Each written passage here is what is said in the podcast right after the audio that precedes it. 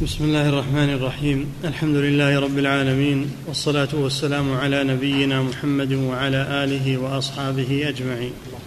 أما بعد قال المؤلف رحمه الله تعالى وبالجملة فالتشبيه والتشبه هو حقيقة الشرك. بسم الله الرحمن الرحيم. الحمد لله والصلاة والسلام على رسول الله. لما بين الشيخ رحمه الله فيما سبق أن الشرك ينقسم إلى قسمين تشبيه الخالق بالمخلوق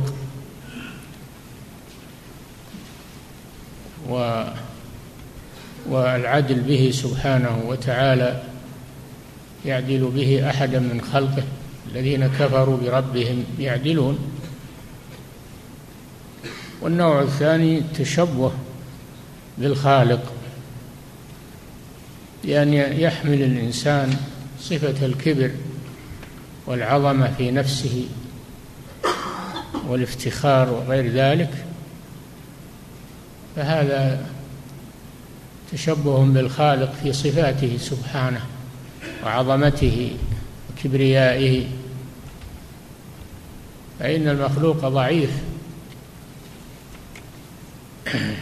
يجب عليه أن يعترف بضعفه وأن يتواضع لله عز وجل. ثم قال وبالجملة يعني أجمل ما سبق في هذه العبارة الآتية. نعم وبالجملة وبالجملة فالتشبيه والتشبه هو حقيقة الشرك. هو حقيقة الشرك يعني تعريف الشرك تعريف الشرك. إذا عرفته فقلت الشرك هو تشبيه الخالق بالمخلوق أو تشبيه المخلوق بالخالق بأن تجعل له شيئا من العبادة أو التشبه بالخالق بأن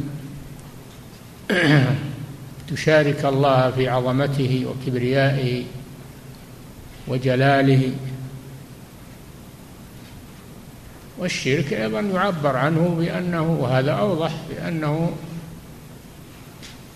بأنه صرف شيء من أنواع العبادة لغير الله سبحانه وتعالى.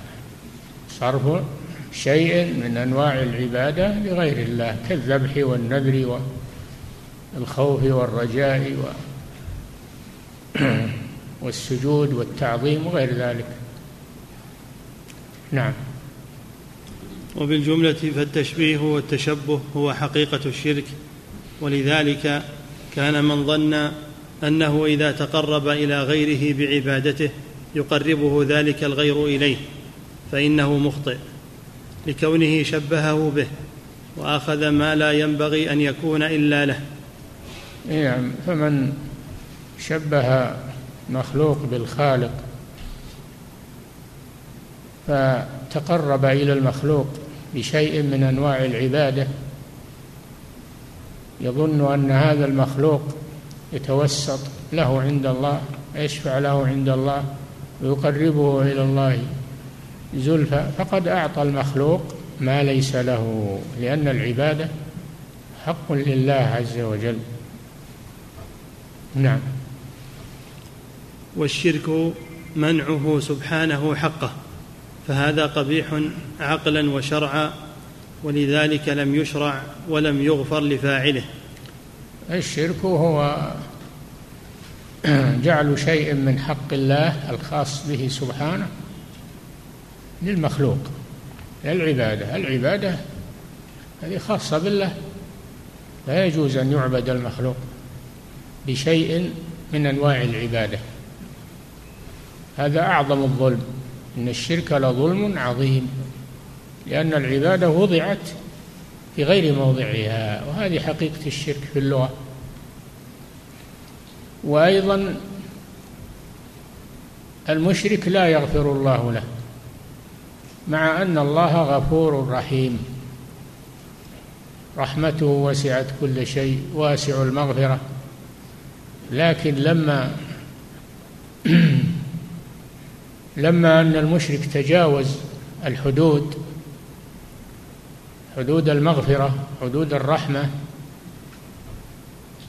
فعبد غير الله لم تنله رحمة الله ولا مغفرته. إن الله لا يغفر أن يشرك به ويغفر ما دون ذلك لمن يشاء. نعم. واعلم أن الذي ظن أن الرب لا يسمع له أو لا يستجيب له إلا بواسطة تطلعه على ذلك أو تسأل ذلك منه. هذا هو ما بعده منقول من كلام الإمام ابن القيم في فوائد غزوة الأحزاب من كتاب الهدي وهو كلام طويل اختصره المؤلف هنا باختصار جيد. نعم. واعلم أن الذي ظن أن الرب لا يسمع له أو لا يستجيب له إلا بواسطة تطلعه على ذلك أو تسأل ذلك منه فقد ظن بالله ظن السوء. فإن بالله ظن السوء من زعم أن الله لا يسمع دعاءه إلا بواسطة من يبلغه سبحانه أو أن الله لا يستجيب إلا بواسطة من يع... من يتوسط عند الله يعطف الله يعطف الله على عبده. مثل ما يفعل عند الملوك. فقد ظن بالله ظن السوء.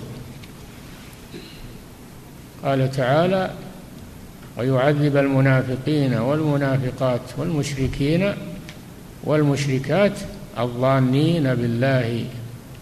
ظن السوء. فالمنافقون ظنوا بالله ظن السوء حيث ظنوا أنه لا ينصر رسوله. وأنه لن يرجع هو وأصحابه. بل ظننتم أن لن ينقلب الرسول والمؤمنون إلى أهليهم أبدا. ذلك في غزوه تبوك وغيرها. يظنون أن الرسول سيقتل وأن الصحابة سيهزمون. فهذا ظن بالله ظن السوء. ظن أنه لا ينصر رسوله ولا ينصر عباده المؤمنين. ويظهر عليهم الكفار والمشركين إظهارا مستمرا أما أنه يظهر عليهم الكفار والمشركين في بعض الأحيان لسبب من قبل من قبل المؤمنين ويعاقبهم الله هذا واقع. لكن من ظن أنه لا ينصر رسوله ولا أولياءه وأنه يديل الباطل إدالة مستمرة. فهذا قد ظن بالله ظن السوء. نعم.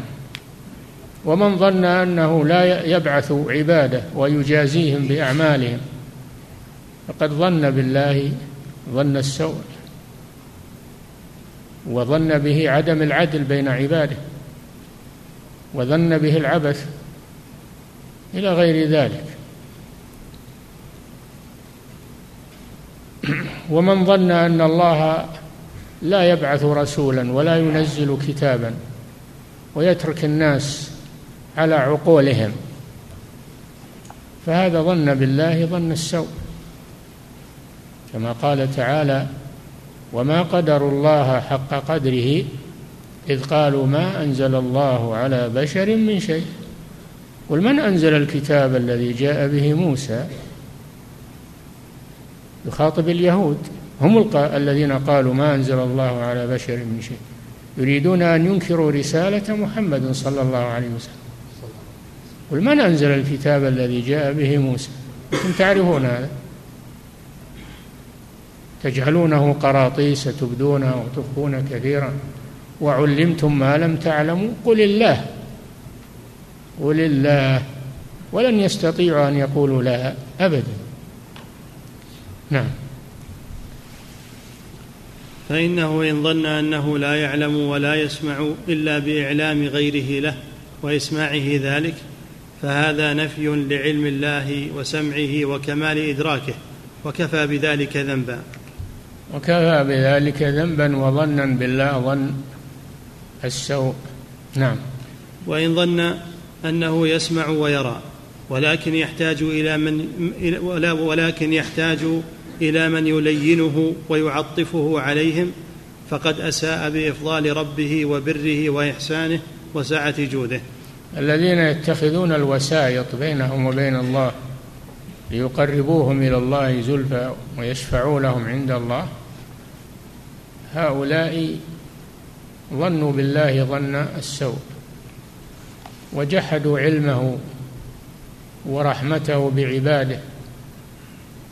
وجحدوا سمعه وبصره أنه يحتاج إلى المبلغين وجحدوا عطفه على عباده ورحمته بعباده حتى يتوسط أحد عنده مثل ما يتوسط عند المخلوقين فيعطفهم.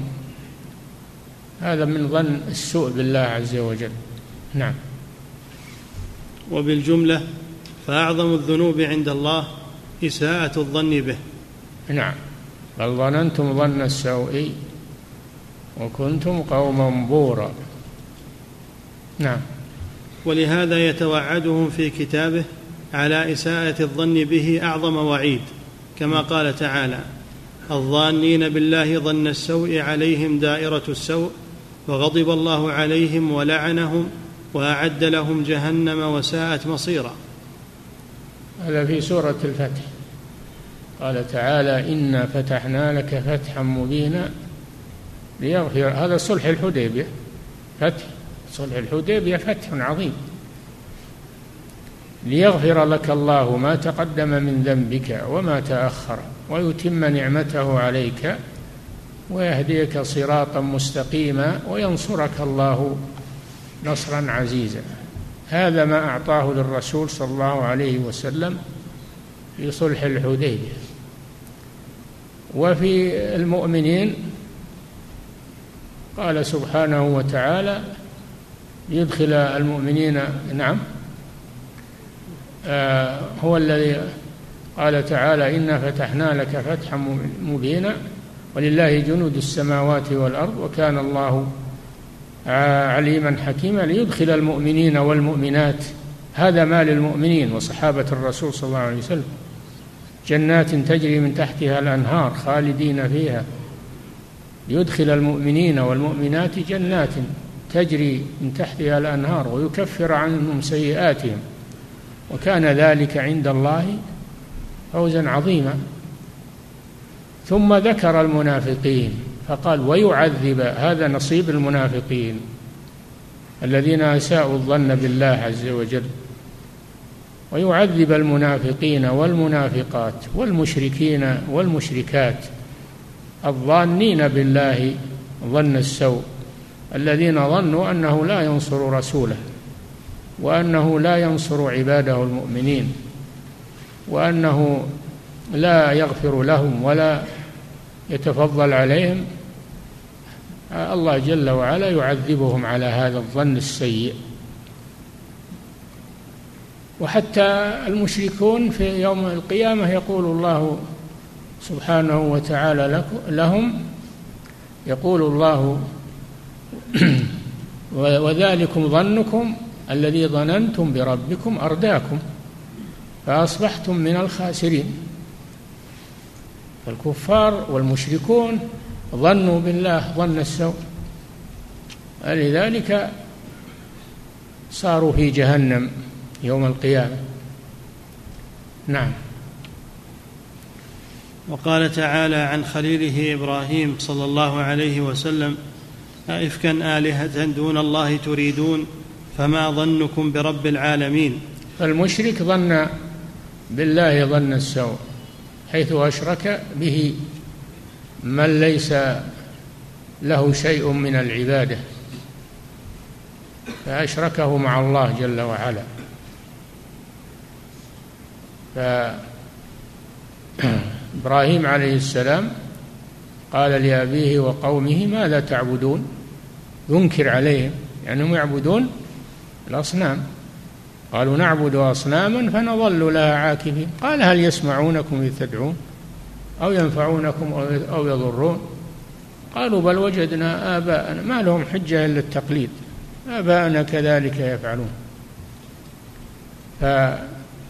فعاتبهم وقال إفكا آلهة دون الله إفكا يعني كذبا آلهة دون الله تريدون فما ظنكم برب العالمين؟ ما هو هذا الظن الذي ظننتم برب العالمين فأشركتم معه هذه الأصنام هذه الجمادات؟ أئفكا آلهة دون الله تريدون فما ظنكم برب العالمين. نعم. فما ظنكم برب العالمين؟ أي فما ظنكم أن يجازيكم إذا عبدتم معه غيره؟ وظننتم أنه يحتاج في الاطلاع على ضروريات عباده لمن يكون بابا للحوائج إليه ونحو ذلك. نعم. وهذا بخلاف الملوك فإنهم آه نعم هم يقولون كما أنك تحتاج إلى الوسائط عند الملوك آه أيضا تحتاج إلى الوسائط عند الله. فيقيسون الله بخلقه يقيسون الله بخلقه. وهذا من سوء الظن بالله عز وجل ومن تنقص الله حيث شبهوه بخلقه بالملوك. الملوك نعم بشر لا يدرون عن حوائج الرعية إلا إذا بلغوا إلا إذا بلغوا عنها. وأيضا لو بلغوا قد لا يريدون قضاء حوائجهم إلا بمن يعطفهم ويرقق قلوبهم للرعية أو للمحتاجين. أما الله جل وعلا فإنه لا يخفى عليه شيء وهو سبحانه يرحم عباده وينعم عليهم. ليس بحاجة إلى من يعطفه على خلقه. نعم. وهذا بخلاف الملوك فإنهم محتاجون إلى الوسائط ضرورة. والملوك أيضا محتاجون إلى الوسائط والوزراء ليبلغوه عن أمور الرعية ويعينوه على قضاء حوائجهم. فلا يقوى بنفسه أن يقوم بكل شيء. أما الله جل وعلا فإنه لا يعجزه شيء ولا يخفى عليه شيء. وهو الغني عن خلقه. ليس بحاجة مثل حاجة الملوك إلى ما يصلح ملكهم ويعينهم على تصريفه. نعم. وهذا بخلاف الملوك فإنهم محتاجون إلى الوسائط ضرورة لحاجتهم وعجزهم وضعفهم وقصور علمهم عن إدراك حوائج المضطرين. نعم. فأما من لا يشغله سمع عن سمع. هذا في رد على يعبدون القبور الآن ويقولون نحن نعلم أنهم ما يضرون ولا ينفعون ولا يملكون من الأمر شيء لكن لكونهم من الصالحين فإنهم يشفعون عند الله ويقربون إلى الله زلفى ويصرفون لهم من أنواع العبادات من الذبح والنذر والاستغاثة وغير ذلك عند قبورهم يقولون ليقربونا إلى الله. هذه مقالة المشركين من قبل يقولها القبوريون اليوم ويرددونها من غير خجل ولا حياء وهم يقرؤون القرآن ويحفظونه. بل ربما يكون بالقراءات السبع ومع هذا ما ما يقلع عن هذه الجريمة. والقرآن ينادي بوضوح وبيان أن هذا باطل باطل. نعم. فأما من لا يشغله سمع عن سمع وسبقت رحمته غضبه وكتب على نفسه الرحمة فما تصنع الوسائط عنده؟ ليس بحاجة إلى الوسائط. نعم. فمن اتخذ واسطة بينه وبين الله تعالى فقد ظن به أقبح الظن. أي نعم. ومستحيل أن يشرع لعباده ومستحيل أن يشرعه لعباده بل ذلك ممتنع في العقول والفطر. مش مستحيل أن يشرع الله لعباده أن يتقربوا إليه بالصالحين والأولياء ويتوسطوا عنده. لأن هذا يتنافى مع كمال علمه وسمعه وبصره ورحمته. ولطفه بعباده. نعم. واعلم أن الخضوع والتأله الذي يجعله العبد لتلك الوسائط قبيح في نفسه كما قررناه. لا سيما نعم. فالخضوع يخضع لهؤلاء الأموات ويذل لهم ويدعوهم ويستغيث بهم ويذبح له وينذر لهم ويقول أنا أعلم أنهم خلق وأنهم لا يقدرون لا ينفعون ولا يضرون ولكن ما أريد منهم إلا الشفاعة والوساطة عند الله. هل الله أمرك بهذا؟ أن تجعل بينك وبينه واسطة؟ أو أمرك أن تدعوه مباشرة؟ وإذا سألك عبادي عني فإني قريب جيبوا دعوة الداعي إذا دعا وقال ربكم ادعوني أستجب لكم. ما قال ادعوني بواسطة فلان أو فلان أو. نعم. واعلم أن الخضوع والتأله الذي يجعله العبد لتلك الوسائط قبيح في نفسه كما قررناه لا سيما إذا كان ذلك المجعول له ذلك عبدا للملك العظيم الرحيم القريب المجيب ومملوكا له. نعم. هذا من أقبح من أقبح الأمور. أن تجعل المملوك شريكا للمالك في قضاء الحوائج حوائج العباد وإغاثة الملهوف وغير ذلك. هذا من أقبح من أقبح الأفعال والإعتقادات. نعم. لا سيما إذا كان ذلك المجعول له ذلك عبدا للملك العظيم الرحيم القريب المجيب ومملوكا له. كما قال تعالى ضرب لكم مثلا من أنفسكم هل لكم مما ملكت أيمانكم من شركاء فيما رزقناكم فأنتم فيه سواء تخافونهم كخيفتكم أنفسكم. نعم. كان المشركون يلبون إذا أحرموا بالحج أو العمرة كانوا يلبون ويقولون في تلبيتهم لبيك لا شريك لك إلا شريكا هو لك تملكه وما ملك. فلبى النبي صلى الله عليه وسلم بالتوحيد فقال لبيك لب اللهم لبيك لبيك لا شريك لك لبيك. نفى الشرك عن الله عز وجل وألغى هذه الكلمة القبيحة. وأنزل الله في ذلك ضرب لكم مثلا من أنفسكم هل لكم من شركاء فيما ملكت أيمانكم؟ أنتم تقولون إلا شريكا هو لك تملكه وما ملك. أنت ترضى لنفسك أن يكون عبدك شريكك؟ لا. فكيف ترضى أن يكون عبد الله شريكا له؟ فترضى لله ما لا ترضاه لنفسك هل لكم مما ملكت أيمانكم من شركاء فيما رزقناكم فأنتم فيه سواء تخافونهم كخيفتكم أنفسكم؟ كذلك نفصل الآيات لقوم يعقلون. بل اتبع الذين ظلموا أهواءهم بغير علم. فمن يهدي من أضل الله وما لهم من ناصرين. فأقم وجهك للدين حنيفا.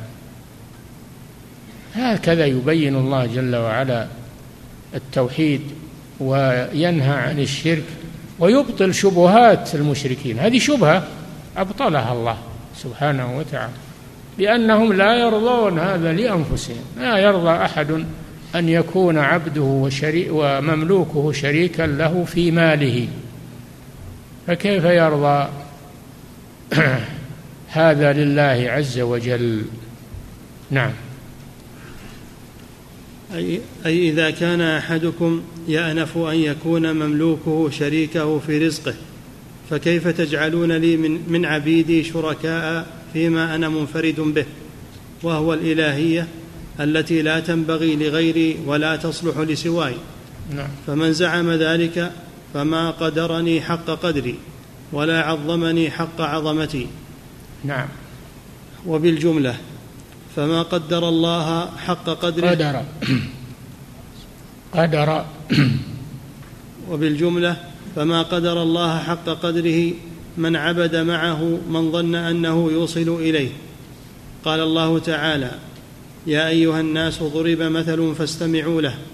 إن الذين تدعون من دون الله لن يخلقوا ذبابا ولو اجتمعوا له. الآية إلى أن قال ما قدروا الله حق قدره. إن الله لقوي عزيز. يا أيها الناس ضرب مثل فاستمعوا له من آخر سورة الحج. ما هو هذا المثل؟ إن الذين تدعون من دون الله من الأصنام والأشجار والأحجار والأموات والملائكة والرسل وجميع العباد لن يخلقوا ذبابا ولو اجتمعوا. العبادة لا يستحقها إلا الخالق وهؤلاء لا يخلقون شيئا وهم يخلقون. كيف تعبدونهم؟ كيف تعبدون المخلوق العاجز مع الخالق القادر سبحانه وتعالى؟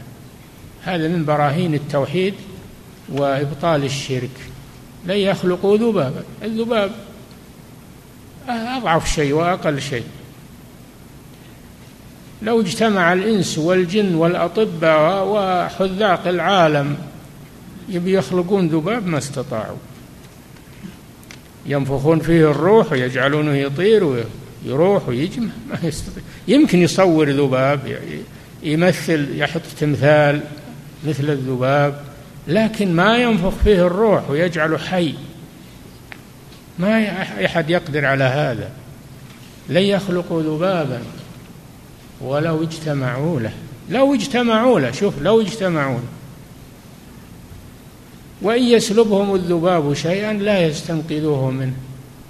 ضعف الطالب والمطلوب. ثم قال ما قدر الله حق قدره.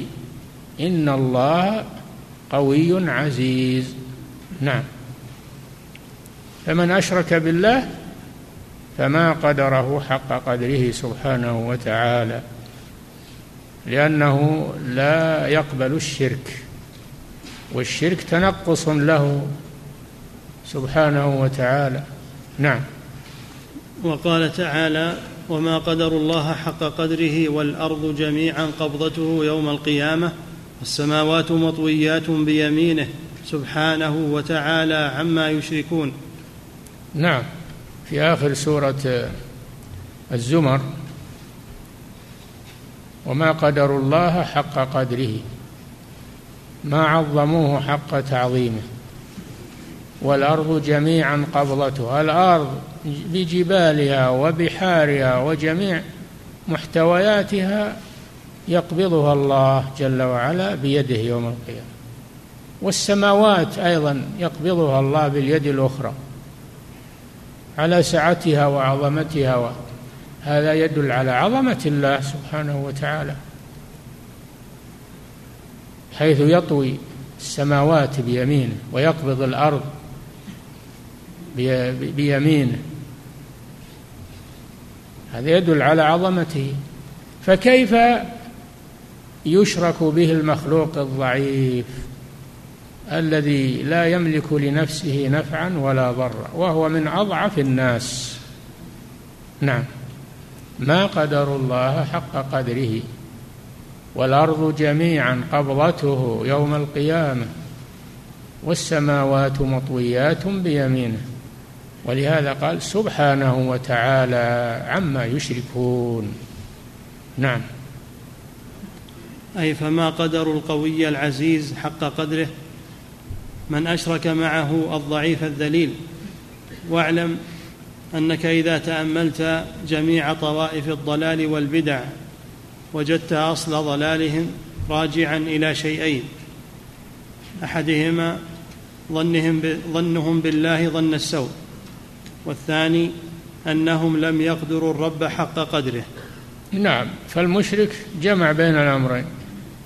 اولا أنه ما قدر الله حق قدره حيث ساوى الضعيف المخلوق الضعيف به سبحانه وتعالى. والثانية أنه ظن بربه ظن السوء وأنه عاجز بحاجة إلى من يعينه. نعم. فلم يقدره حق قدره من ظن أنه لم يرسل رسولا ولا أنزل كتبا بل ترك الخلق سدى وخلقهم عبثا. نعم. كما يقوله الدهريون كما يقوله الدهريون الذين يزعمون أن هذا الكون ليس له خالق وأنه وجد صدفة أو نتيجة لتفاعلات المواد الكونية. ليس له خالق. تعالى الله عن ذلك.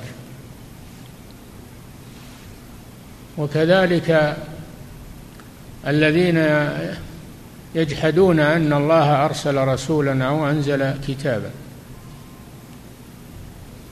وما قدروا الله حق قدره إذ قالوا ما أنزل الله على بشر من شيء.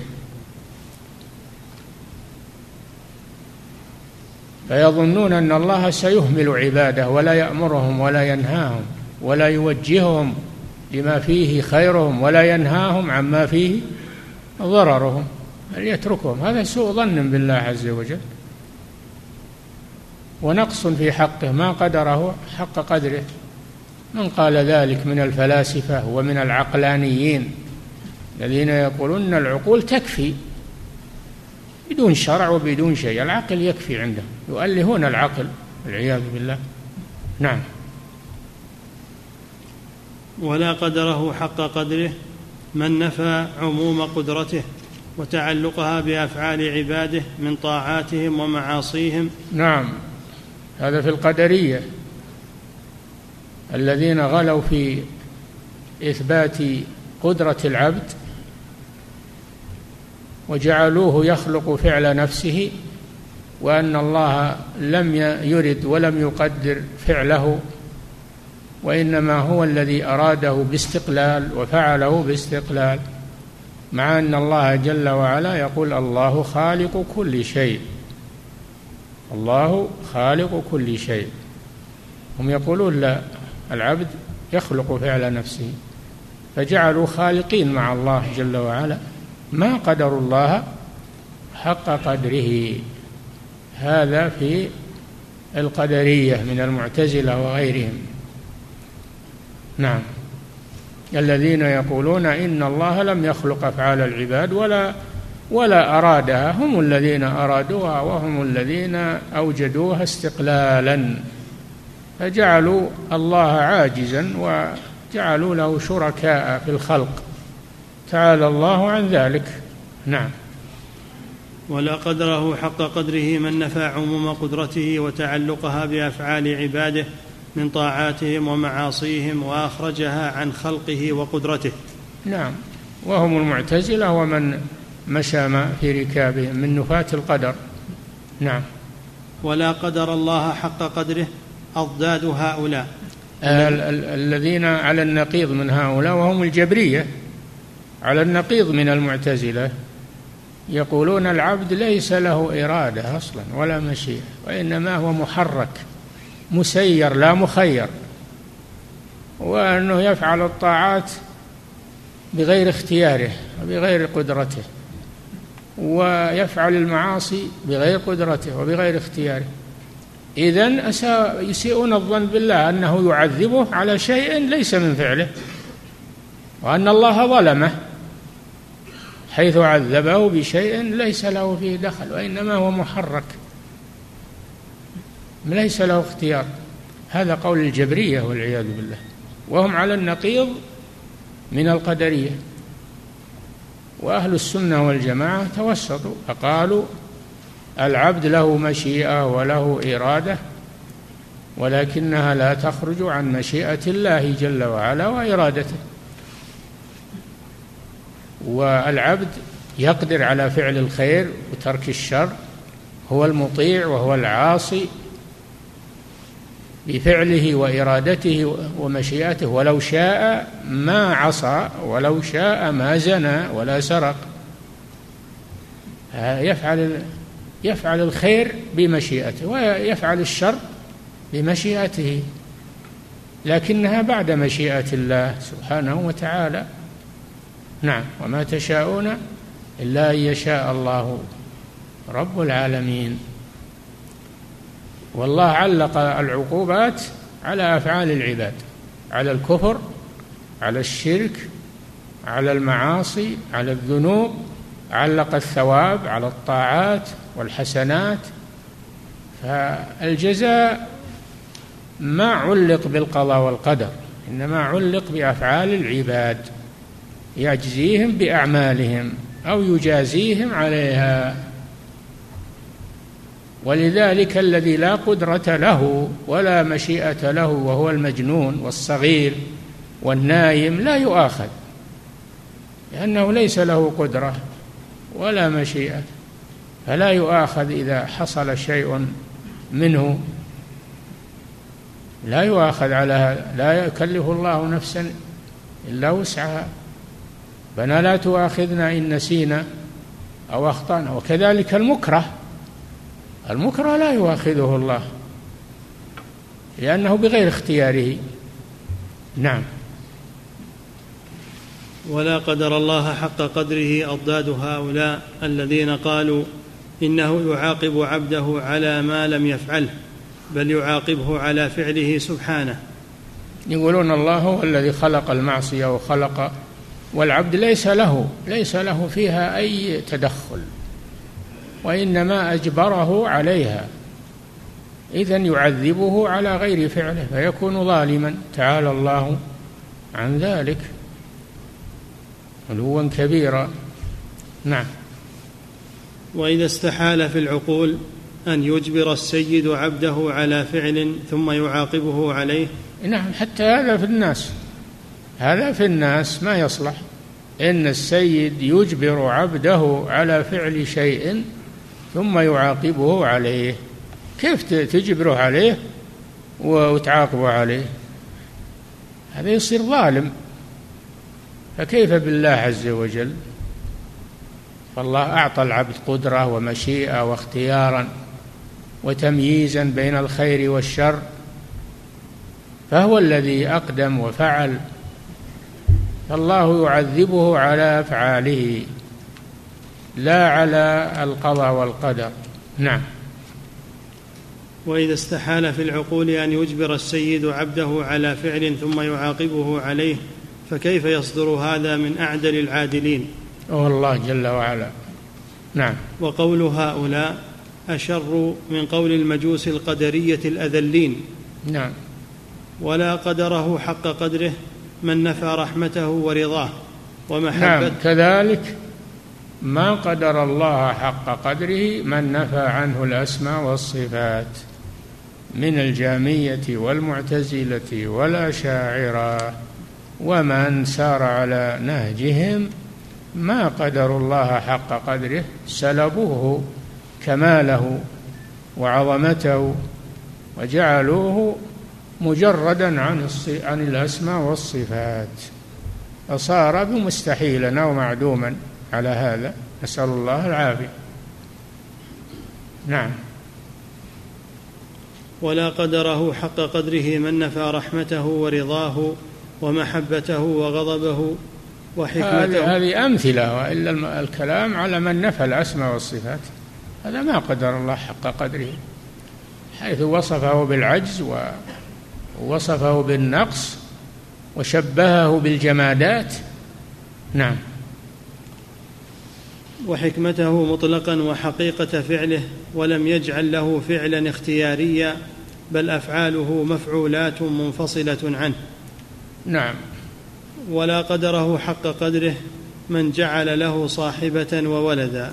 ما قدر الله حق قدره من جعل له صاحبة يعني زوجة وولدا وهم النصارى وهم النصارى والمشركون من العرب الذين الذين نسبوا البنات إلى الله عز وجل والنصارى نسبوا المسيح إلى الله واليهود نسبوا عزيرا إلى الله وقالوا ابن الله قالت اليهود عزير ابن الله وقالت النصارى المسيح ابن الله.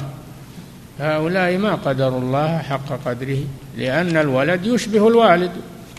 الله لا شبيه له ولأن الولد جزء من الوالد. الله جل, جل وعلا لا يكون له ولد ويكون جزءا منفصلا عنه سبحانه وتعالى. وأيضا الوالد محتاج إلى الولد. والله ليس بحاجة إلى هو الغني له ما في السماء. قالوا اتخذ الله ولدا. هو الغني له ما في السماء. إن عندكم من سلطان بهذا نعم. ولا قدره حق قدره من جعل له صاحبة وولدا أو جعله يحل في مخلوقاته. آه كذلك ما قدر الله حق قدره من جع من نفى عنه العلو والاستواء على العرش وجعله حالا في مخلوقاته جعله في كل مكان. هؤلاء حلولية والعياذ بالله. هذا كفر أكبر. لم ينزه الله سبحانه وتعالى ولم يثبتوا له العلو والاستواء على العرش. جعلوه مختلطا بالخلق. بل منهم من يقول إنه حال حال في المخلوقات. حال في المخلوقات. إنه حل في المسيح. ابن مريم أنه حل بالأولياء والصالحين حتى يقول بعضهم ما في الجبة إلا الله. الجبة اللي عليه ما هو هو هذا الله اللي فيها. تعالى الله عما يقولون. هذه الحلولية. أشد منهم وأقبح وحدة الوجود. اللي يقولون الله هو الموجود هو الموجودات جميعا. وليس هناك خالق ومخلوق بل الله هو جميع الموجودات ولا تقسيم. هؤلاء أهل وحدة الوجود وهم شر من الحلولية. نعم. أو جعله يحل في مخلوقاته أو جعله عين هذا الوجود. أو جعله عين هذا الوجود. هذا مذهب أهل وحدة الوجود كابن عربي وغيره. نعم. ولا قدره حق قدره من قال إنه رفع أعداء رسوله وأهل بيته وجعل آه. كذلك الرافضة الذين يقولون إن الخلافة لعلي بعد الرسول صلى الله عليه وسلم وهو الوصي لكن اغتصبها أبو بكر وعمر وعثمان اغتصبوها منه والصحابة وافقوهم على ذلك فهم ظلمة هذا ما قدر الله حق قدره. الله عاجز انه انه يجعل عليا محل الرسول صلى الله عليه وسلم ويترك هؤلاء يغتصبون. ما يمكن هذا. هذا ما يمكن ابدا. ثم أيضا يدفنون إلى جانب الرسول صلى الله عليه وسلم أبو بكر وعمر. وهم مغتصبون. يمكنهم الله من هذا؟ حتى إن بعضهم يقول أنا لا أؤمن برسول خليفته أبو بكر. أنا لا أؤمن برسول خليفته أبو بكر ولكن أؤمن برسول خليفته علي. علي نعم رضي الله عنه من الخلفاء الراشدين لكن ليس هو الوصي بعد الرسول. نعم. هؤلاء ما قدروا الله حق قدره. وأنه مكن هؤلاء من انتزاع الحق من صاحبه وأعانهم على ذلك وأثنى عليهم ورفعهم حتى دفنوا إلى جانب الرسول صلى الله عليه وسلم. نعم. ولا قدره حق قدره من قال إنه رفع أعداء رسوله وأهل بيته وجعل فيهم الملك. ووضع أولياء رسوله وأهل بيته وهذا يتضمن غاية رفع أعداءه ووضع أهل بيت الرسول صلى الله عليه وسلم وأذلهم. هذا يليق بالله سبحانه وتعالى. نعم. وهذا يتضمن غاية القدح في الرب تعالى الله عن قول الرافضة. نعم. وهذا مشتق من قول اليهود والنصارى في حق رب العالمين إنه أرسل ملكا ظالما فادعى النبوة وكذب على الله ومكث. يعنون محمدا صلى الله عليه وسلم. يقولون محمد ملك ظالم ما هو برسول. ملك ظالم. يا سبحان الله ملك ظالم والله يعطيه ويمهله وينصره ويثني عليه. قل كفى بالله ويقول الذين كفروا لست مرسلا. قل كفى بالله شهيدا بيني وبينكم. يعني الله يشاهده على هذا الشيء ويعزه وينصره ويمده. هذا ظن بالله ظن السوء والعياذ بالله. نعم. وهذا مشتق من قول اليهود والنصارى في حق رب العالمين إنه أرسل ملكا ظالما فادعى النبوة وكذب على الله. ومكث زمنا طويلا يقول أمرني ربي بكذا ونهاني عن كذا فيستبيح دماء أنبياء الله وأحبائه والرب تعالى يظهره ويؤيده ويقيم الأدلة والمعجزات على صدقه ويقبل بقلوب الخلق وأجسادهم إليه ويقيم دولته على الظهور والزيادة ويذل أعداءه أكثر من ثمانمائة عام فوازن بين قول هؤلاء؟ هذا قول اليهود ينكرون رسالة محمد صلى الله عليه وسلم ويقولون إنه ملك ظالم. يسيئون الظن بالله أنه نصره ورفعه ومكنه وجعل حبه في قلوب البشرية وآمن به أغلب أهل الأرض وانتشر دينه في المشارق والمغارب. الله عاجز عن إنه يمنع هذا. هذا دليل على أنه صادق عليه الصلاة والسلام وإلا لما مكنه الله. الله جل وعلا يقسم المتنبئين. وين المتنبئين؟ وين مسيلمة؟ وين الأسود العنسي؟ وين الذين ادعوا النبوة؟ أين آثارهم وأين هم؟ يقسمهم الله جل وعلا. أما هذا الرسول صلى الله عليه وسلم فإن الله أمده ونصره وأعزه ومكنه في الأرض والبشرية الآن لا تزال ترجع إلى دين هذا الرسول صلى الله عليه وسلم. وعند ومعه هذا القرآن الذي أعجز البشرية وأعجز الجن والإنس. هل هذا كذاب؟ تعالى الله عن ذلك. نعم. فالذي يجحد رسالة محمد صلى الله عليه وسلم ما قدر الله حق قدره. وكذلك الذين جحدوا رسالة عيسى وهم اليهود ما قدروا الله حق قدره. فكل من جحد رسالة نبي فإنه ما قدر الله حق قدره. وكل من آه، صدق برسالة الكذاب أو نبوة الكذاب ما قدر الله حق قدره. نعم. فوازن بين قول هؤلاء وقول إخوانهم من الرافضة. تجد القولين سواء. اي نعم. يقولون إن الله أمد إن الله أمد هذا الملك الظالم ومكنه. والرافضة يقولون إن الله مكن أبا بكر وعمر ونصرهما وفتح البلاد والعباد. والله مكنهم بهذا وهم ليس لهم حق. هذا سوء ظن برب العالمين. مثل هذا قول الرافضة مثل قول اليهود. سواء بسواء. نعم. ولا قدره حق قدره من زعم أنه لا يحيي الموتى. ولا نعم من أنكر البعث. ما قدر الله حق قدره من أنكر البعث. وصف الله بالجور وأنه لا يقيم العدل بين عباده ويجزي المسيئين بإساءتهم ويجزي المحسنين بإحسانهم يوم القيامة. يظن أن الإنسان يعمل في هذه الدنيا ما يشاء ويترك وينتهي يموت ولا يبعث.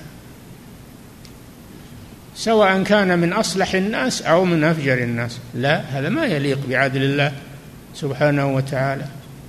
ما يليق بعدل الله أنه يترك العباد ولا يقيم العدل بينهم. نعم. ولا قدره حق قدره من زعم أنه لا يحيي الموتى ولا يبعث من في القبور. ليبين لعباده الذي كانوا فيه يختلفون وليعلم الذين كفروا أنهم كانوا كاذبين. نعم. وبالجملة فهذا باب واسع. هذا باب واسع. راجع كلام ابن القيم في في زاد المعاد في فوائد غزوة الأحزاب. نعم. وبالجملة فهذا باب واسع والمقصود أن كل من عبد مع الله غيره فإنما عبد شيطانا. المقصود نقف عليها نعم.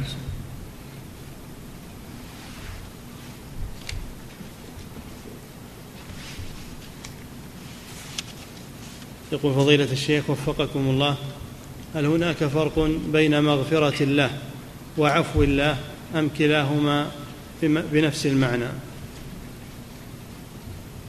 في فرق بين المغفرة والعفو. هذه صفة وهذه صفة. فالعفو محو أثر المعصية. وإزالتها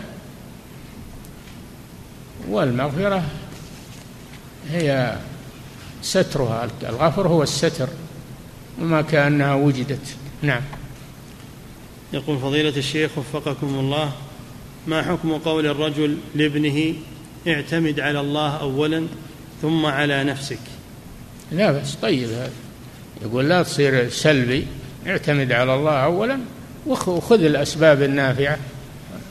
اشغل اشتغل. نعم. اعتمد على نفسك ولا تنام وتكسل. نعم. يقول فضيلة الشيخ وفقكم الله كيف يكون التشبيه والتشبه هو حقيقة الشرك كما ذكر المؤلف رحمه الله؟ نعم واضح. كما شرح لكم. تبون يشرح لكم ثانية؟ شرح لكم هذا. نعم. يقول فضيلة الشيخ وفقكم الله قرأت في بعض الكتب لبعض من ينتسب إلى الدعوة كلاما وهو يقول عن إبراهيم عليه الصلاة والسلام إن إبراهيم كان على دين قومه من عبادة الأوثان وعبادة الكواكب. نسأل الله العافية نسأل الله العافية. نعم. يقول فهل هذا الكلام صحيح؟ هذا كلام باطل. هذا كلام باطل. إبراهيم على الحنيفية وعلى الملة. والله جل وعلا هداه. وإنما قال لقومه هذا ربي هذا ربي من باب المناظرة لأنهم يعبدون الكواكب. قال للنجم هذا ربي وقال للقمر هذا ربي الشمس قال هذا ربي من باب المناظرة لهم. وبيانا هذه مخلوقات وليست أربابا. نعم. يقول فضيلة الشيخ وفقكم الله هل الظن بالله ظن السوء من الشرك الأكبر أو من الأصغر؟ من الشرك الأكبر المشرك ما يشرك إلا وهو قد أساء الظن بالله عز وجل. نعم. يقول فضيلة الشيخ وفقكم الله هل يثبت أهل السنة علما حادثا لله تعالى كما يثبتون الصفات الحادثة النوع كالكلام. الله جل وعلا عليم بعلمه الأزلي ويعلم ما يحدث وقت حدوثه. يعلم بعلمه الأزلي إنه سيحدث ويعلمه أيضا إذا حدث وهو ما يسمونه بعلم الظهور عند حدوثه. نعم. يقول فضيلة الشيخ وفقكم الله يقول في بلدنا يعملون في السنة أو يعملون يوما في السنة أكلا ويقولون هو لفاطمة بنت النبي صلى الله عليه وسلم. فما حكم هذا الفعل؟ وهل أنكر عليهم؟ نعم هذا منكر بدعة فاطمة بنت الرسول تحتاج إلى طعام في هذا اليوم؟ هذا. هذا لبطونهم ما هو بالفاطمة. فاطمة بريئة منه. نعم.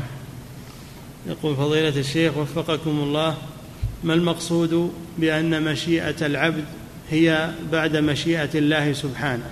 إيش؟ ما المقصود بأن مشيئة العبد هي بعد مشيئة الله؟ ما تشاءون إلا أن يشاء الله. المقصود أن العبد لا يشاء إلا إذا شاء الله ذلك فهي من جملة مخلوقات الله عز وجل. نعم. يقول فضيلة الشيخ وفقكم الله ما معنى قول المؤلف رحمه الله في من نفى عن الله الأسماء والصفات؟ قال ولم يجعل له فعلا اختياريا بل أفعاله مفعولات منفصلة عنه. هذا قول الفلاسفة والعقلانيين. ينفون عن الله الأفعال يقولوا لأنه يكون محلا للحوادث. والله منزه عن حلول الحوادث. وما أشبه ذلك من الخزعبلات التي يقولونها. نعم. يقول فضيلة الشيخ وفقكم الله كيف يكتب الله على عبده المعصي؟ يقول كيف يكتب الله على عبده المعصية والكفر قبل خلق السماوات والأرض ثم يعاقبه عليها؟ ما يعاقبه على على الكتابة التي كتبها. إنما يعاقبه على فعله هو باختياره. إذا قلنا لكم هذا وبيناه لكم. لا تصير جبري. الله يعلم هذا وكتبه في اللوح المحفوظ لكن لا يعذبه على ذلك حتى يبرز هذا ويفعله العبد بنفسه وإرادته ومشيئته واختياره. نعم. يقول فضيلة الشيخ وفقكم الله هل الحلولي هل الحلوليون يعدون كفارا مطلقا؟ نعم. إذا اعتقدوا هذا الاعتقاد وأن الله حال في خلقه وأن الله في كل مكان فلا شك إلا من كان جاهلا ومقلدا يبين له. أما من كان يعلم هذا فهو كافر. نعم. وكذلك حفظكم الله هل القول بوحدة الوجود هل يعد من الشرك الأكبر؟ القول بوحدة الوجود يعد إنكارا لله سبحانه وتعالى وأن الله هو كل شيء في هذا ال هذا ال هذا الوجود. حتى الكلاب هي الله وحتى الحمير وحتى الخنازير هي الله. وما الكلب والخنزير إلا إلهنا يقولون من شعرهم. نعم. يقول فضيلة الشيخ وفقكم الله هل يصح أن يقال إن الرافضة فرقة مشتقة من اليهود؟ لا يشبهون اليهود. ما هم من من اليهود لكن يشبهون اليهود في صفاتهم. وذكر شيخ الإسلام ابن تيمية في أول منهاج السنة وجوه مشابهة الرافضة لليهود. نعم. يقول فضيلة الشيخ وفقكم الله أي الفرقتين أشد ضلالا؟ الجبرية أو القدرية. كلاهما أشد كلاهما ضلال وكفر. نعم. يقول فضيلة الشيخ وفقكم الله أردت السفر بالسيارة وخرجت من منزلي مع أذان الظهر وفي الطريق وقفت في إحدى المحطات بعد الأذان بنصف ساعة. خرجت إيش؟ أردت السفر بالسيارة وخرجت من منزلي مع أذان الظهر. وفي الطريق وقفت في إحدى المحطات بعد الأذان بنصف ساعة وصليت بها الظهر والعصر جمعا وقصرا. فهل فعلي هذا لا صحيح؟ الظهر ما تقصر. أنت وجبت عليك في البلد. وجبت عليك في البلد. أذن وأنت تخرج من منزلك داخل البلد. وجبت عليك تامة. فأعدها تامة. نعم. أما العصر نعم لا بأس. نعم. يقول فضيلة الشيخ وفقكم الله هل قول ربي أجرني من النار سبع مرات بعد المغرب وبعد الفجر. هل هي سنة؟ نعم ورد فيها حديث لكنه ضعيف. لكنه ضعيف. فمن قال ذلك لا مانع إن شاء الله. نعم. فضيلة الشيخ وفقكم الله هذه امرأة تسأل فتقول امرأة تقول أنا امرأة اعتمرت عن عمي الذي توفي وهو لم يتزوج وهو كبير في السن. تقول امرأة اعتمرت عن عم أنا امرأة اعتمرت عن عمي الذي قد توفي وهو لم يتزوج وهو كبير في السن ولم يعتمر في حياته أبدا. واعتمر ابني عن أبي وهو متوفى أيضا وعنده أبناء لكنهم لم يحسنوا إليه. سؤالها هل فعلي هذا صحيح حيث إني قدمت عمي على أبي في العمرة؟ لا بأس بذلك إذا كان أبوك قد اعتمر الفريضة وأنت اعتمرت عنه نافلة وجعلت أو ولدك اعتمر عنه نافلة وأما الجد لم يعتمر الفريضة واعتمرت أنت عنه قدمتيه لا مانع لأن الفريضة مقدمة على النافلة. نعم. يقول فضيلة الشيخ وفقكم الله ما حكم تدري وما حكم تدريس القرآن للنساء وهن يجلسن في فصول ومنهن من تكشف وجهها فهل يجوز أن يدرسها رجال في هذه الفصول؟ لا. السافرة لا لا يدرسها الرجل وهي سافرة كاشفة لوجهها لأن هذا منكر. نعم. فضيلة الشيخ وفقكم الله هذه امرأة من أوروبا تقول إني أختكم من أوروبا وابنتي قد تزوجت بكافر قبل سنتين ومن ذاك الوقت انقطعت العلاقة بيننا ثم إنها قد اتصلت بي قبل شهر وأخبرتني أن لها أولاد وأنها تريد زيارتي مع أولادها وزوجها. السؤال هل يجوز لي شرعا أن أستقبلها في بيتي مع زوجها وأولادها الكفار؟ نعم. لا بأس هذا من الصلة.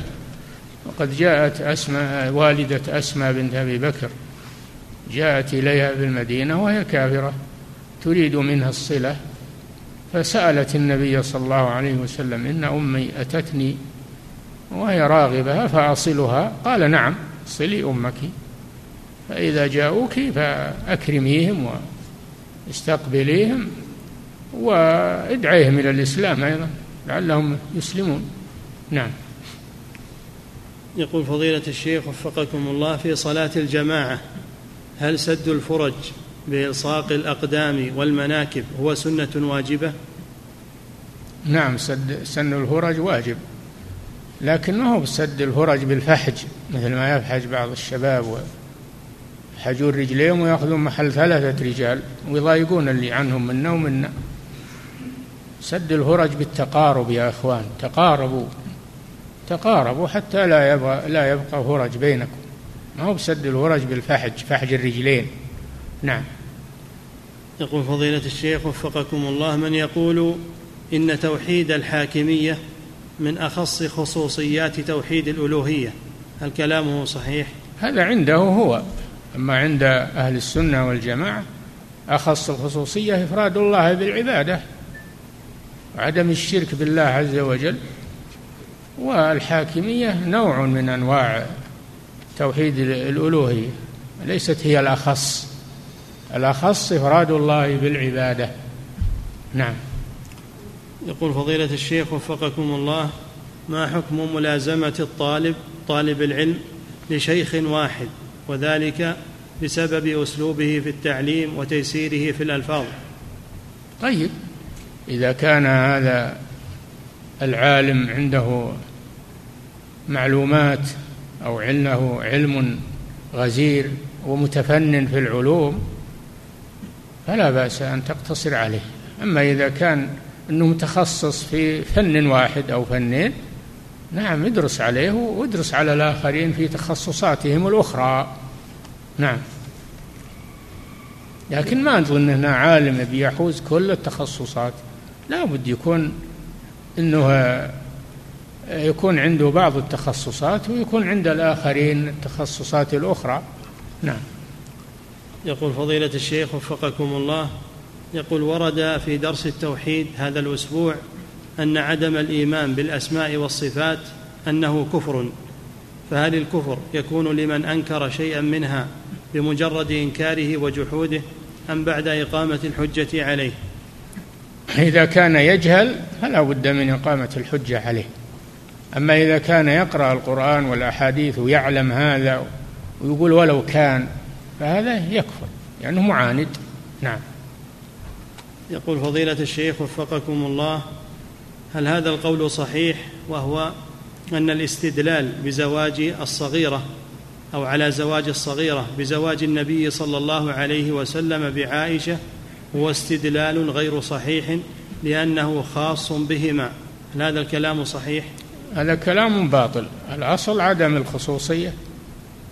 الأصل في أفعال الرسول صلى الله عليه وسلم عدم الخصوصية. إلا إذا لأنه هو القدوة عليه الصلاة والسلام.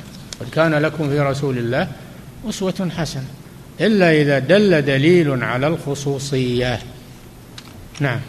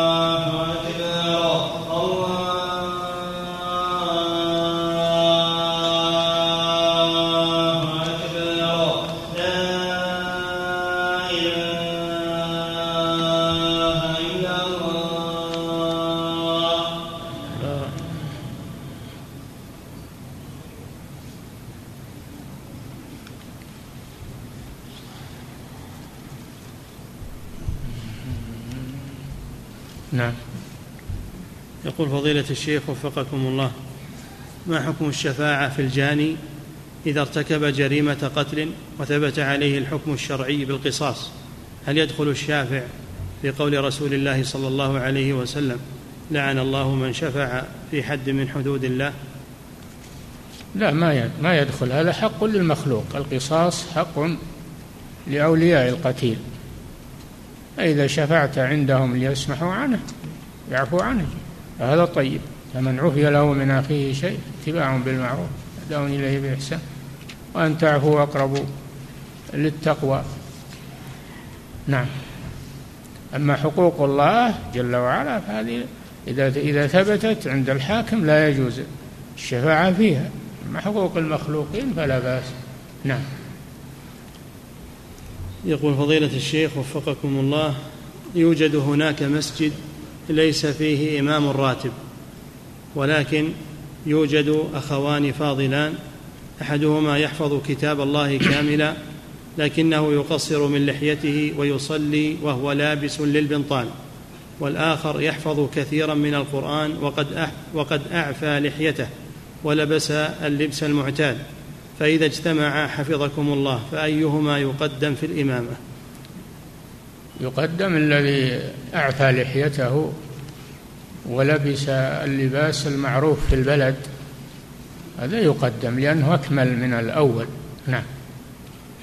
يقول فضيلة الشيخ وفقكم الله دخلت المسجد فإذا الإمام قد رفع من الركوع في الركعة الأخيرة. دخلت المسجد فإذا الإمام قد رفع من الركوع في الركعة الأخيرة فانتظرنا تسليمه وصلينا جماعة أخرى. فهل فعلنا هذا صحيح؟ نعم لا بأس بذلك لأن فاتتكم الجماعة. فاتتكم الجماعة. لكن لو دخلتم معهم وإذا سلم الإمام تقومون ويؤمكم أحدكم. يكون هذا أحسن. تجمعون بين الفضيلتين نعم.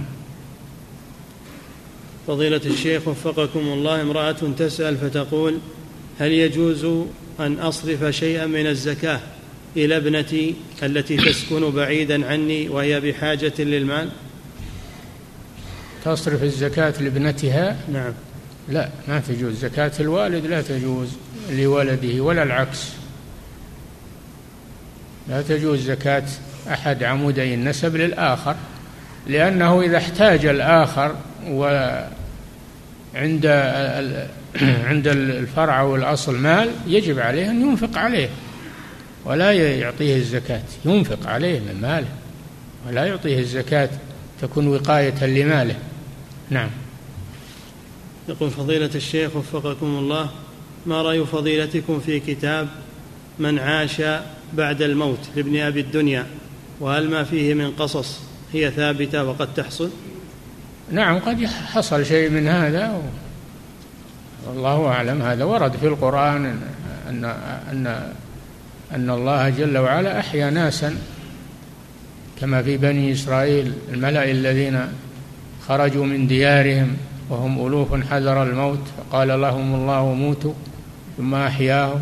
قصة القتيل في البقرة الذي ضرب بجزء منها فأحياه الله وأخبر من الذي قتله ومثل الذي مر على قرية وهي خاوية على عروشها قال أن يحيي هذه الله بعد موتها فأماته الله مئة عام ثم بعثه. ومثل قصة إبراهيم رب أرني كيف تحيي الموتى. موجود هذا موجود هذا. نعم. يقول فضيلة الشيخ وفقكم الله ورد حديث عن النبي صلى الله عليه وسلم أنه سئل هل المؤمن يسرق؟ قال نعم. فقيل وهل يزني؟ قال نعم. فقيل وهل يكذب؟ قال لا. هل هذا الحديث صحيح؟ وما معناه؟ حفظكم. نعم الحديث صحيح ومعناه أن المؤمن لا يكذب. ما يكذب إلا المنافق اللي فيه نفاق. الذي فيه خصلة من النفاق. أما المؤمن الذي ليس فيه نفاق فلا يكذب أبدا. نعم. يقول فضيلة الشيخ وفقكم الله هذا رجل مسلم مقيم بفرنسا يقول تزوجت بامرأة مسلمة قبل أن أستقيم على دين الله فلما اهتديت حصلت خلافات بيننا لأن المرأة غير مستقيمة لأن المرأة غير مستقيمة وتركت الصلاة وأخذت ولدنا بحكم القضاء الفرنسي قهرا. سؤاله لما لم تكن هذه المرأة صالحة فهل أنا مسؤول عن فساد هذا الولد تبعا لتربية أمه المنحرفة؟ وما نصيحتكم له؟ والله هذه أمور تحتاج إلى مطالبات عند المحاكم وعند ما, ما نتدخل فيها. نعم. يقول فضيلة الشيخ وفقكم الله يقول ذكر عدد من المؤرخين أن السبحة أصلها من دين النصارى والهندوس ولا يزال بعض أهل هذه الديانات يستعملها إلى اليوم. فهل يكون استعمال المسلم لها من التشبه بالكفار؟ إذا ثبت هذا وأن السبحة من خصائصهم فلا فلا يجوز استعمالها. أما ما دام ما ثبت هذا فالأصل الإباحة. نعم. يقول فضيلة الشيخ وفقكم الله ما حكم قول القائل يوم الجمعة لصاحبه جمعة مباركة؟ لا أصل لهذا هذا ما له أصل. تهنئة بالجمعة والتهنئة بآخر العام هذا لا أصل له. نعم. يقول فضيلة الشيخ وفقكم الله هل هذه العبارة صحيحة؟ وما معناها؟ وهي العالم كلما كثر علمه قل إنكاره. إنكاره؟ نعم. بالعكس كلما كثر علمه كثر إنكاره للمنكر. إن كان قصده المنكر يكثر إنكاره للمنكر لأنه صار أعلم من غيره بالمنكرات والمسؤولية عليه أكثر من غيره. نعم. يقول فضيلة الشيخ وفقكم الله هل يجوز هذا القول وهو قوله ما صدق على الله؟ يقول ما صدق وخلاص لا يجيب على الله. ما صدق إنه يحصل هذا. يعني لأنه مستبعده. نعم. يقول فضيلة الشيخ وفقكم الله ما حكم ما حكم مد الرجلين أمام قبر النبي صلى الله عليه وسلم؟ نعم. ما يخلون أحد يقعد قريب من قبر النبي صلى الله عليه وسلم. ما يخلون أحد يقعد. ما في مكان. نعم. يقول فضيلة الشيخ وفقكم الله إذا صلى المسافر خلف إمام يصلي المغرب وهو. إذا صلى المسافر صلاة العشاء خلف إمام يصلي المغرب. فماذا وأيضا يعني السؤال وأيضا بينك وبين قبر النبي صلى الله عليه وسلم جدران وحوائط ما ما تمد رجليك إليه مباشرة لأن بينكم جدران حوائط. نعم. يقول إذا صلى المسافر صلاة العشاء خلف إمام يصلي المغرب فكيف يصنع؟ إذا سلم الإمام من الثالثة يقوم يأتي بالرابعة. نعم. يقول فضيلة الشيخ وفقكم الله البعض إذا تكلمنا عن ما يتعلق بختان النساء يحتج ويقول إنه في بلد السعودية لا يختنون النساء فلا يكون ذلك مشروعا فكيف نرد عليه؟ نقول ختان النساء سنة فمن تركه فلا حرج عليه ومن فعله فهو أحسن. نعم. يقول فضيلة الشيخ وفقكم الله يقول يسأل بعض الناس فيقول هل يجوز أن يسوك الميت عند تغسيله؟ لا. لا أصل لهذا ما يسوك. نعم ينظف فمه بأن يؤخذ خرقة مبلولة بالماء نظيفة فيمسح بها أسنانه. بخرقة مبلولة بالماء تمسح بها أسنانه. نعم. يقول فضيلة الشيخ وفقكم الله يقول ترون حفظكم الله ما يحيط بالأمة من الفتن وبخاصة طلبة العلم والهجوم على العلماء والدعاة. فهل من نصيحة وتوجيه لأبنائكم من طلبة العلم في هذا الأمر؟ نصيحتنا أن يستمروا في طلب العلم لأنه اشتدت الحاجة الآن إلى العلم. نوصيهم بطلب العلم ومواصلة طلب العلم والصبر على ذلك. والإنكار لمن يقدر ينكر ينكر عليهم ويرد عليهم إذا كان يقدر على هذا. نعم. يقول فضيلة الشيخ وفقكم الله يقول هل يجوز أن أتصدق وأنا مديون علما بأن المبالغ التي أتصدق بها قليلة؟ الصدقة اليسيرة لا بأس إعطاء السائل شيء يسير لا بأس بذلك. أما المبالغ الكثيرة لا ما يجوز وأنت مديون. سدد الدين أولا. نعم. يقول فضيلة الشيخ وفقكم الله أحد أصحابي في العمل أسلم والحمد لله وهو أعجمي ويسكن مع أصحابه النصارى من بني جلدته في غرفة واحدة فهل مكوثه معهم جائز؟ إذا كانوا يؤثرون عليه فلا يجوز. آه، يخرج ويصير في منزل آخر. أو تساعدونه أنتم. جزاكم الله خيرا. تهيئة سكن له. ليسلم بدينه ولا يؤثر عليه. نعم. يقول فضيلة الشيخ وفقكم الله ما حكم لبس الأم ملابس قصيرة أمام أطفالها دون سن الثامنة؟ تربيهم على هذا. ما يجوز ما يجوز لها. أنها تكشف شيء من بدنها أمام أطفالها يتربون على التساهل في هذا الأمر. نعم. يقول فضيلة الشيخ وفقكم الله هل نقول إذا ذكر أي نبي نقول عليه الصلاة والسلام كما نقول عن محمد صلى الله عليه وسلم أم نقول فقط عليه السلام؟ تقول هذا وهذا لا بأس. تقول صلى الله عليه وسلم عليه الصلاة والسلام أو تقول عليه السلام جائز كل هذا. نعم. انتهى.